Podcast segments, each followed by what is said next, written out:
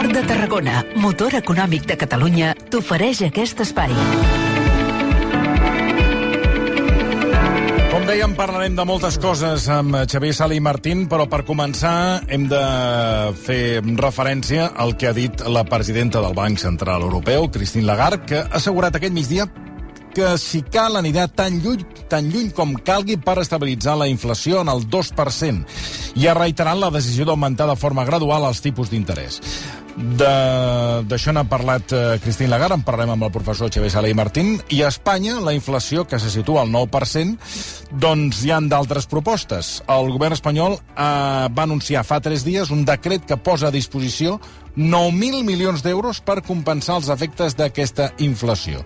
Un paquet de mesures que inclou, entre d'altres, un xec de 200 euros pels treballadors autònoms i aturats amb ingressos eh, baixos. Em recordo una mica tot allò del plan E, que mm, podríem dir no va reixir massa. Mm. Xavier Sala i Martín, catedràtic d'Economia de la Universitat de Colúmbia, molt bona tarda. Hola, molt bona tarda, com anem? Molt bé. I vos, com aneu? Bé, bé, bé, bé. Gràcies. El nostre pes amb, i la nostra abraçada eh, pel tràngol que ha passat Xavier Sala i Martín aquestes, eh, aquestes darreres setmanes. Per la, Gràcies a tots. Per l'amor. Gràcies a tots els del programa que m'heu escrit i m'heu donat els ànims. Gràcies. Eh, professor, eh, sé que ara vostè em dirà que no sóc fotut la bola de vidre, que sempre m'agrada tant, però li, sí que li he de preguntar. Uh, vostè creu que els, els preus continuaran escalant? És a dir, continuem amb aquesta inflació que ara mateix no se li veu, no se li veu final? O, o diguéssim que ja a l'arribar al 9% estem ja en un topall, diguéssim, a, unes, a uns nivells, uh, podríem dir, màxims? Doncs mira, la, la veritat és que no ho sé. no ho sé perquè dependrà de la rapidesa amb la que actuïn els bancs centrals i de moment els bancs centrals han actuat eh, bastant lentament, és a dir, van tard, i per tant jo crec que hauran de pujar. Quan més tardin, més hauran de pujar els tipus. I els, els americans ja, ja, ja porten un parell de mesos que ja han començat a pujar, els europeus de moment només parlen, parlen, però però diu la Lagarde que farà el que calgui, doncs ens ho haurem de creure. Jo recordo una conversa que vàrem mantenir amb vostè que quan analitzàvem, ja parlàvem d'aquesta aquest, inflació disparada, vostè deia, bueno, hem d'esperar perquè no sabem si és una qüestió circumstancial eh, o, és una, o, o és una inflació que ha vingut per quedar-se, és una dinàmica que ha vingut per quedar-se. I ara sí que, eh, veient amb, el, amb la reiteració dels mesos de l'increment de, de la inflació, ara sí que podem dir que, que ha vingut per quedar-se, no? que és una dinàmica que no sembla que tingui a dia d'avui un aturador i que, i, que, i que es freni. Per tant, eh, potser sí que ha arribat el moment que intervingui d'una manera una mica més... Eh, I de quina manera ho farà, no ho sabem. Eh, per exemple, Christine Lagarde. Exacte. A veure, la, la, la inflació sempre té, um, diguem, dues causes. Eh? Els preus, perdoneu, eh? la inflació bàsicament és l'augment dels preus.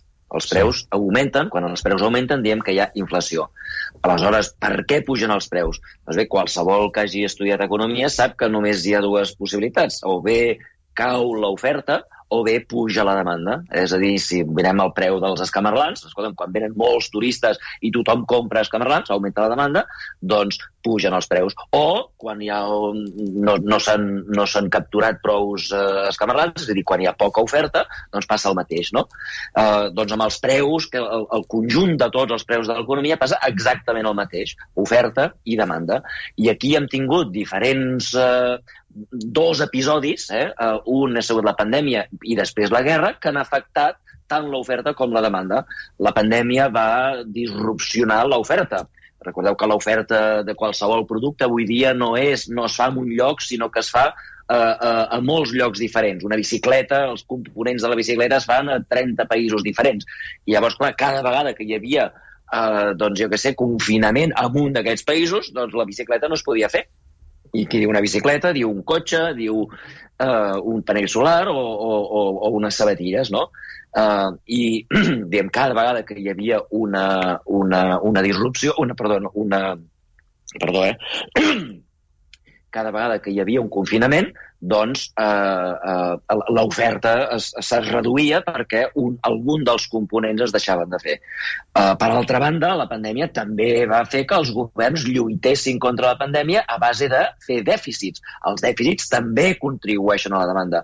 I era bo que fessin dèficits perquè en aquell moment s'havien de comprar testos, s'havien de comprar material per als hospitals, s'havien de comprar vacunes, s'havia d'ajudar les empreses, s'havia d'ajudar els ciutadans, i era bo que els governs fessin fessin dèficits i, i alguns d'aquests dèficits es finançaven amb diners. El, el, el Banc Central Europeu imprimia diners i els regalava als governs. El Banc Central dels Estats Units imprimia diners i els regalava als ciutadans perquè poguessin eh, sobreviure a aquells moments en els quals se'ns obligava a quedar-nos a casa i molts de nosaltres no teníem salaris per, per sobreviure. No? Per tant, tot això va afectar la demanda i afecta l'oferta, oferta la demanda i, per tant, pugen els preus. A sobre d'això ve la guerra, la guerra, que també afecta l'oferta, eh, la, la, afecta l'oferta perquè pujar els costos de, de, de l'energia. Molts productes, la major part de productes de l'economia es produeixen amb energia. Puja el preu de l'energia perquè Rússia és un dels principals productors, etc etc. i clar, quan pugen els costos de l'energia, baixa l'oferta, és a dir, per la mateixa producció hem de pagar més, oferta més baixa. I per altra banda, puja la demanda un altre cop perquè, com heu vist avui, amb el, amb el Biden i el, i el, i el Pedro Sánchez, la reacció dels governs ara mateix a la guerra és gastar més en defensa. I això passa a tots els països occidentals. Doncs mira, més ofert, menys oferta, més demanda, i això a sobre de la inflació que ja teníem eh, per l'oferta i per la demanda del Covid, doncs eh, la cosa doncs, eh, ha explotat. Vale? Um, I aleshores, tot això, fixeu-vos que són causes temporals tot això són causes temporals. La guerra s'acabarà, el Covid s'acabarà, però hi ha un problema que és que si dura molt, si aquesta inflació dura molt, i ja està començant a durar molt, aleshores eh, aquesta eh, inflació s'enquista a l'economia. Com s'enquista l'economia? Doncs a través de les expectatives. Fixeu-vos, els treballadors veuen que el poder adquisitiu baixa, demanen més o menys més augments salarials, no? eh, hem de compensar d'alguna manera que hem perdut poder adquisitiu. Pugen els salaris i què passa? Que pugen els costos de les empreses i com que les empreses veuen que pugen els costos, doncs ho repercuteixen en els salaris, eh, perdó, en els preus. I per tant, fixeu-vos, pugen els preus, pugen els salaris, pugen els costos, tornen a pujar els preus. I per tant l'any que ve tornaran a pujar salaris, tornaran a pujar els costos, tornaran a pujar els preus. I encara que desapareixin les causes originals, la inflació es queda a l'economia. I per aturar aquesta inflació que es queda a l'economia de manera permanent, l'única solució és eh, pujar els tipus d'interès. I per això, quan aquest matí la Christine Lagarde diu que farà el que calgui per solucionar el problema de la inflació, el que ens està dient d'alguna manera és que deixarà d'imprimir diners, que és una forma de contribuir a la demanda, i augmentarà els tipus d'interès. Però de moment només diu que ho farà. De moment encara no ho ha fet. A quan els hauria de, de pujar? Per frenar? És a dir, si la inflació està al 9, i ara parlem de 0,25, 0,50, de, a, a quin increment de tipus d'interès has de pujar, o sigui, a, a quan has de pujar els tipus d'interès per frenar aquesta inflació? Doncs bé, no hi ha una fórmula màgica perquè el que determina el, el, el nivell al qual haurà de pujar és això que et deia de les expectatives. És a dir, el que la gent cregui, no, que, no la inflació que té ara, sinó la inflació que creu que hi haurà en els propers, en els propers anys. Eh? Uh, és a dir, la, la, la, la, la, la, no la inflació en si, sinó la inflació que està ja eh, enquistada dins de l'economia. I eh, sembla que la, la, la, i els economistes tenen diverses maneres de mirar aquesta enquistació, aquest, aquest, aquesta eh, inflació, eh, eh, expectatives d'inflació, i eh, el que sabem és que de moment encara no arriba al 9%. La inflació, la gent sap que la inflació ara mateix és el, és el 9%, però tothom espera, tothom confia, tothom creu que en els propers dos, tres, quatre anys la cosa s'arreglarà. Per tant, les expectatives, tot i que ja comencen a ser més altes, encara no són del 9%. Ningú creu, com creiem en els anys 70, que teníem una inflació del 10% i tothom sabia que d'aquí 5 anys seguiria sent del 10% i s'havia de trencar aquesta dinàmica de les expectatives, doncs eh, ara encara no estem en una situació tan greu. Però jo que m'agradaria recordar a tothom que abans de la crisi del 2007 eh, abans de la crisi del 2007, els tipus d'interès estaven de manera normal amb un 4-5%. I, per tant, no seria estrany que tornéssim a una situació de 4-5%, eh, que, i recordeu que abans, abans del 2007 no és que la inflació fos especialment alta, però eh, una situació normal tornaria a ser d'un 4-5% de tipus d'interès. Mm. L'altre dia llegia un article de Paul Krugman que ell estava en, eh, o sigui, que deia que era un error pujar els tipus d'interès. No sé, vaig quedar sorprès de que Krugman eh, digués que, que eres una... En fi, que, que era un error aquest increment i que, i que tan bon punt eh, s'aturés o parés la, o sigui, s'aturés la guerra que mm, hi hauria un decreixement d'aquesta inflació. No sé. Uh, el Krugman, Krugman és com els bons vins. Eh? El Krugman és un gran economista eh, que té el Premi Nobel i és com els bons vins, que després de dir Krugman has de dir la data, eh? perquè, perquè diu, diu coses diferents en moments diferents. Eh? Uh, Bueno, ho vaig llegir I... fa, fa no massa, eh? Ho vaig llegir fa un parell o tres de setmanes que em va quedar l'atenció. Es van saber aquest va en contra sí. de tots els que, de tot el criteri... Perquè jo recordo de, de converses amb vostè que, que sí que havíem, vostè havia dit de moment esperem, de moment no és convenient pujar els tipus d'interès, però ara ja estem en sí. una altra pantalla. I ell sí. eh, defensa el que vostè deia fa eh, bueno, fa un temps, no?, de que, de que ell creu que, que és un error defensar els tipus, eh, que és un error pujar els tipus d'interès. No sé, és, ell sí, ho defensava fa, fa, fa dues setmanes. Ell, fa un any ell i la major part d'economistes del món deien això és una cosa temporal, eh, marxarà. Uh, però clar, fa un any ningú sabia que el Putin es tornaria boig i que a sobre del problema del Covid a sobre tindríem el de la guerra i per tant, quan més duri el tema, recorda, el problema és que després la cosa s'enquista. I, i ara ja fa uns mesos el Krugman ja està canviant d'opinió, com la major part d'economistes, i, i estan dient, bueno, encara que eh, encara que la cosa sigui temporal, doncs eh, ja s'està enquistant d'una manera perillosa i, per tant, el govern, el, govern, el Banc Central hauria d'actuar perquè, si no, eh, la cosa anirà cada vegada pitjor. Eh, Krugman seria un dels més eh, fervents defensors de la idea de que deia abans, eh, de que eh, si bé la inflació, i això segurament és el que vas llegir fa un, fa un mes, eh, si bé la inflació és elevada, les expectatives d'inflació no ho són encara. Eh? Ho són més que fa un, un parell de mesos o fa un, més que fa un any, però no, encara no estan arribant al 9%. Per tant, eh, potser no caldrà pujar yeah. els tipus d'interès tant perquè el problema, insisteixo, no és la inflació, el problema és la inflació enquistada eh, la que ja està dins de les expectatives, perquè això és el que es, eh, diguem, quedarà un cop marxi la, la, la, la inflació temporal, que n'hi ha, Eh? Estem de, jo estic d'acord amb el Krugman de que hi ha molts components de la inflació que són temporals. El Covid, aquelles cues de, de vaixells que hi havia davant del port de Xangai, eh, recordeu tot això? Mm. Això ja ha desaparegut. Eh, ja no hi ha aquestes cues i, per tant, a poc a poc el, el sistema productiu global tornarà a la normalitat i, per tant, eh, hem d'esperar que els preus també tornin, eh, una part dels preus tornin a la, a la normalitat. Però, com ja hem dit, hi ha un component que està enquistant i quan més tardem a aturar-lo, més s'enquistarà i, per tant, més haurem de pujar els tipus d'interès. El Krugman és dels més optimistes. Un altre, un col·lega seu eh, de la Universitat de Harvard, el Larry Summers, seria el gran defensor de la idea oposada, que diu que s'han de pujar els tipus brutalment ara mateix perquè, si no, eh, encara que els preus no estiguin enquistats, s'enquistaran i, i, per tant, més val eh, fer un, un, un cop I, i, fort ara mateix. I qui té raó? Si ara jo ara, a, a, hagués de decidir entre pujar-los d'una sí, manera tu fossis el banc brutal no? o fer cas al Krugman, bueno, una mica el camí del mig, no, professor? Bé, el, el, el, diríem, als Estats Units estan seguint la via Larry Summers. Eh? I els Estats Units ja fa un parell de mesos que han començat a pujar els tipus d'interès. De fet, fa dues setmanes van pujar amb un 0,75, que és una pujada brutal. No s'havien pujat mai des dels anys 90, 0,75%. Europa seria l'altra via, eh, que estan okay. encara dubtant, mm. uh, i per tant uh, jo ara mateix sóc més de la via Estats Units, mm. crec. Li volia preguntar per aquestes mesures del govern espanyol uh, que, ha anunciat, que va anunciar fa tres dies, aquest, uh, dispo, aquest, aquest posar a disposició, és a dir, donar 9.000 milions d'euros per compensar els efectes de la inflació, com per exemple aquest xec que dèiem de 200 euros pels treballadors autònoms i aturats amb ingressos baixos. Li volia preguntar si això vostè creu que serveix per aturar la inflació? Són mesures que funcionen? No.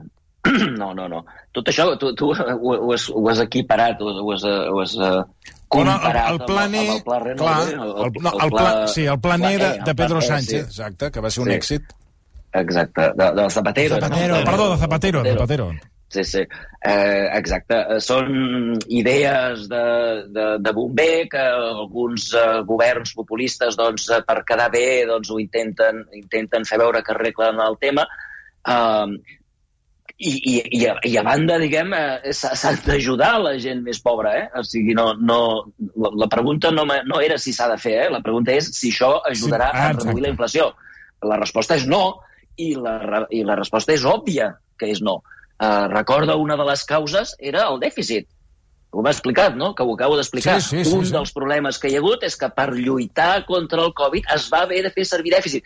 I, i, i jo vaig defensar que es fessin servir els dèficits. S'havia d'ajudar les empreses, cosa que Espanya no va fer, però s'havia d'ajudar els restaurants que tu estaves obligant a tancar. S'havia d'ajudar els, els ciutadans que es quedaven sense feina. S'havia d'ajudar, eh, òbviament, als hospitals a, a, a comprar el material que en aquell moment no hi havia.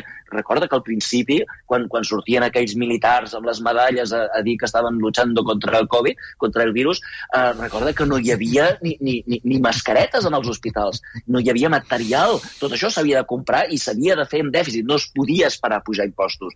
Eh, per tant, eh, que, que, que, que es faci un dèficit no vol dir eh, que, que s'hagi de fer dèficit no vol dir eh, no vol dir que, que estigués en contra. El, el que m'estàs preguntant, però, és si això res, soluciona el problema de Sí, la inflació. si serveix. La resposta és no, no, perquè això causa més dèficit. I el dèficit és un augment de la demanda que, com ja hem dit, causa més inflació. Eh? Eh, jo no estic dient que no s'hagi d'ajudar- els autònoms eh, que cobren poc, eh, ni a les vídues ni als eh, jubilats. Eh, el que estic dient és que si tu fas això, si tu ara puges el dèficit amb 9.000 milions, Uh, uh, sobretot quan uh, pujaràs el dèficit també perquè estàs augmentant la despesa militar, militar sobretot perquè tot això ve a, a, a més del subsidi de la benzina, que ja ningú se'n recorda que ens està costant 6.000 milions cada 3 mesos, és a dir, 24.000 milions a l'any per eh, baixar la benzina a 20 cèntims, una cosa que ha estat un fracàs monumental perquè eh, diguem, quan la benzina estava a 100 van posar un subsidi de 20 pensant que la gent pagaria 80, el que ha passat és que les empreses han pujat el preu a 120 i amb el subsidi la gent acaba pagant 100 igual. Uh, per tant, les, les empreses aquestes de, uh, petrolieres doncs, s'acaben quedant al- als calés. És a dir, estem creant un dèficit brutal i això contribuirà encara més a la inflació. I, i qui digui que això és mentida, doncs no, no hi entén. Doncs miri, Uh, eh, insisteixo, no estic dient, no estic dient que, que no s'hagi d'ajudar la gent amb salaris baixos, eh? Estic dient que quan tu fas això crearàs inflació. Doncs d'aquestes mesures eh, anunciades pel govern espanyol, eh, per exemple, una de les mesures hi ha la rebaixa de, de fins a 50 d'un 50% en alguns títols, no tots, de transport públic. Eh, per exemple, la va defensar l'alcaldessa de Barcelona, Ada Colau, diumenge al Via Lliure de rac i ho va fer, per cert, criticant-lo primer d'una manera indirecta a vostè, després ja, ja va anar més directe a la seva persona. Estem sentint des d'ahir alguns que diuen que aquestes ajudes, que si faran més inflació, Sí. que tal... Xavier Eh, no Salamartín vaig ahir al sentir. fax, per exemple. Sí. Ja, ja, doncs quan, quan l'Estat amb, el, amb la crisi del 2008 va habilitar milers, desenes de milers de milions sense retorn a les entitats financeres, no vaig sentir que diguessin que això era un problema per les arques públiques i per les finances. Però, en canvi, quan s'ajuda a les famílies vulnerables, aleshores sí. Aleshores, els neoliberals surten ràpidament a dir que això posa en perill l'economia. Doncs estic radicalment en contra d'aquesta visió neoliberal. O sigui, jo crec que l'economia real és la de la gent. L'economia que ens ha d'importar les institucions és la de les famílies. I, per tant, els diners que hi hagin s'han d'habilitar perquè arribin a qui més els necessiten. I després, evidentment, hi haurà altres temes més estructurals que s'hauran de resoldre de la millor manera possible. Però no hi ha d'haver cap mena de dubte que l'economia ha d'estar al servei de les persones, no de grans corporacions com hem vist en altres moments. Uh, professor, no, no, pel que veig l'alcaldessa no el segueix massa perquè vostè uh, en, aqu en aquest programa més d'una vegada havia dit que a l'època, a la crisi de, fi, del 2008, que si havien de caure bancs que caiguessin. I tant. Exactament. Uh, si vosaltres sereu, ho heu sentit, eh, ho, ho he dit Sí, sí, en el programa, com a mínim 30 vegades, uh -huh. uh, sense exagerar, i exagerant ho he dit 5.000 cops, que, que eh, en l'economia de mercat, diguem, quan surt cara, eh, l'empresari ha de guanyar, però quan surt creu, l'empresari ha de perdre. El que no pot ser és que quan surt cara guanya l'empresari, quan surt creu eh, eh, paga el contribuent, que és el que passa quan tu rescates bancs, no?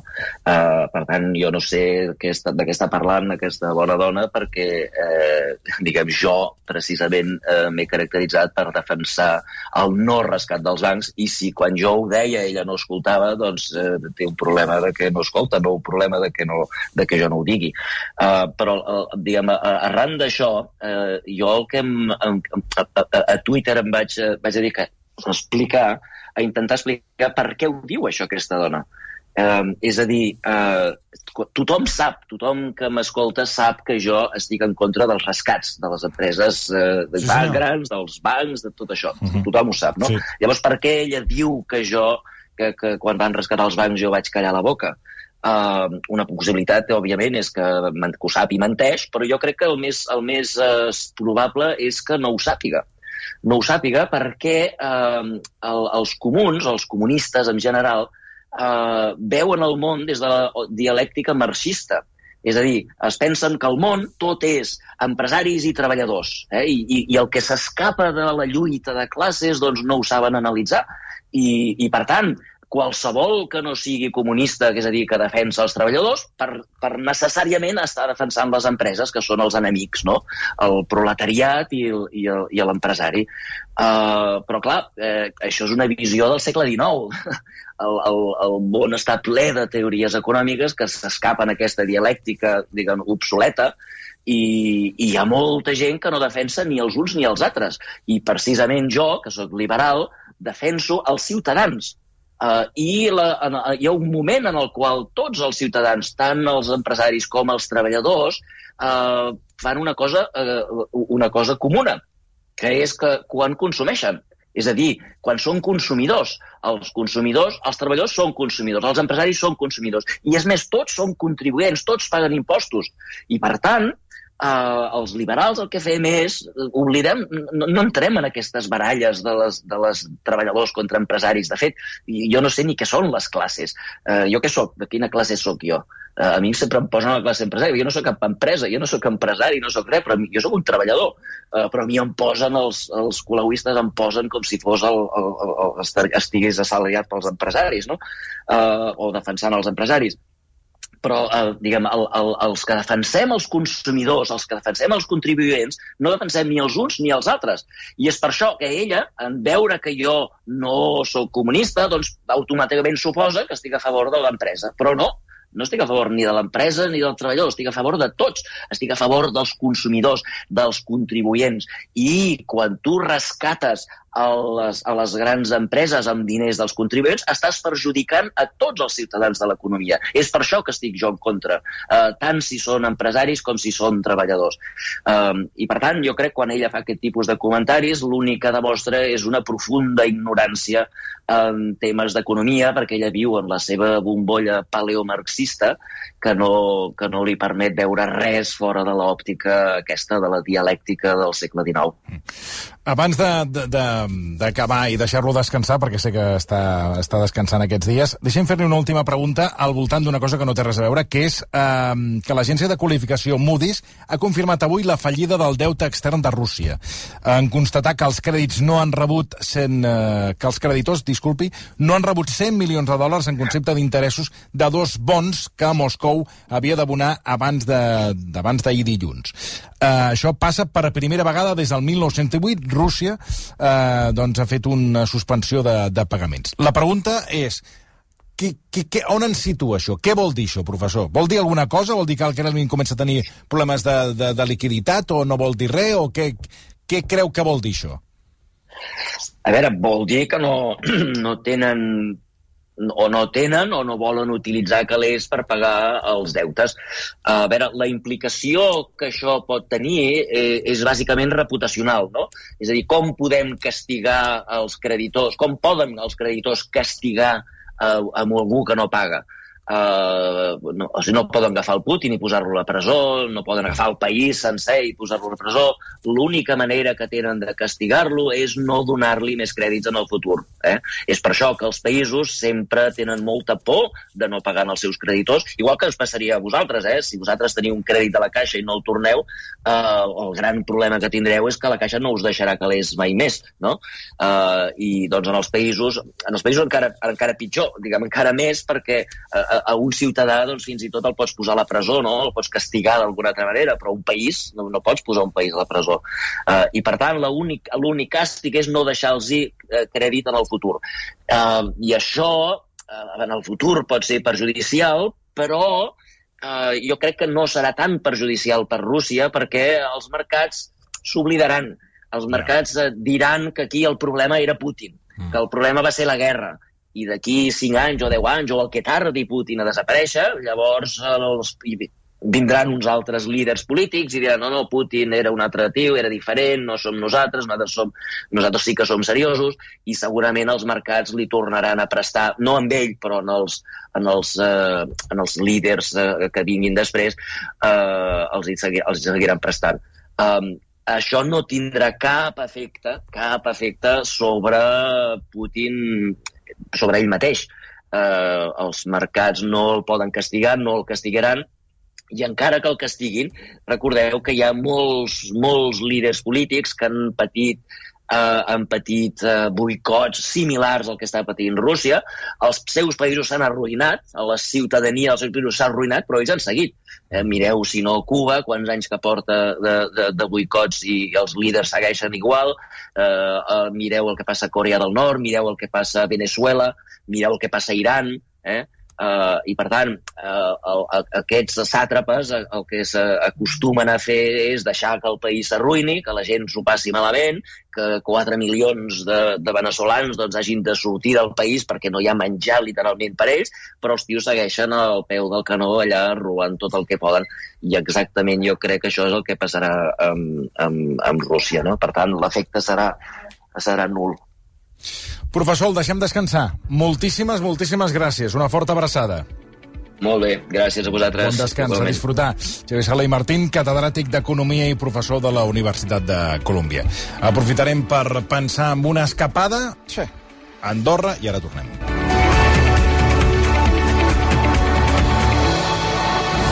Port de Tarragona, motor econòmic de Catalunya. Node logístic del corredor del Mediterrani. Uneix Catalunya per ferrocarril amb Europa i amb el sud i l'interior de la península Ibèrica. Port de Tarragona, una porta oberta al món per a tot tipus de tràfics marítims i un espai d'oportunitats per a noves activitats logístiques. Més informació a porttarragona.cat.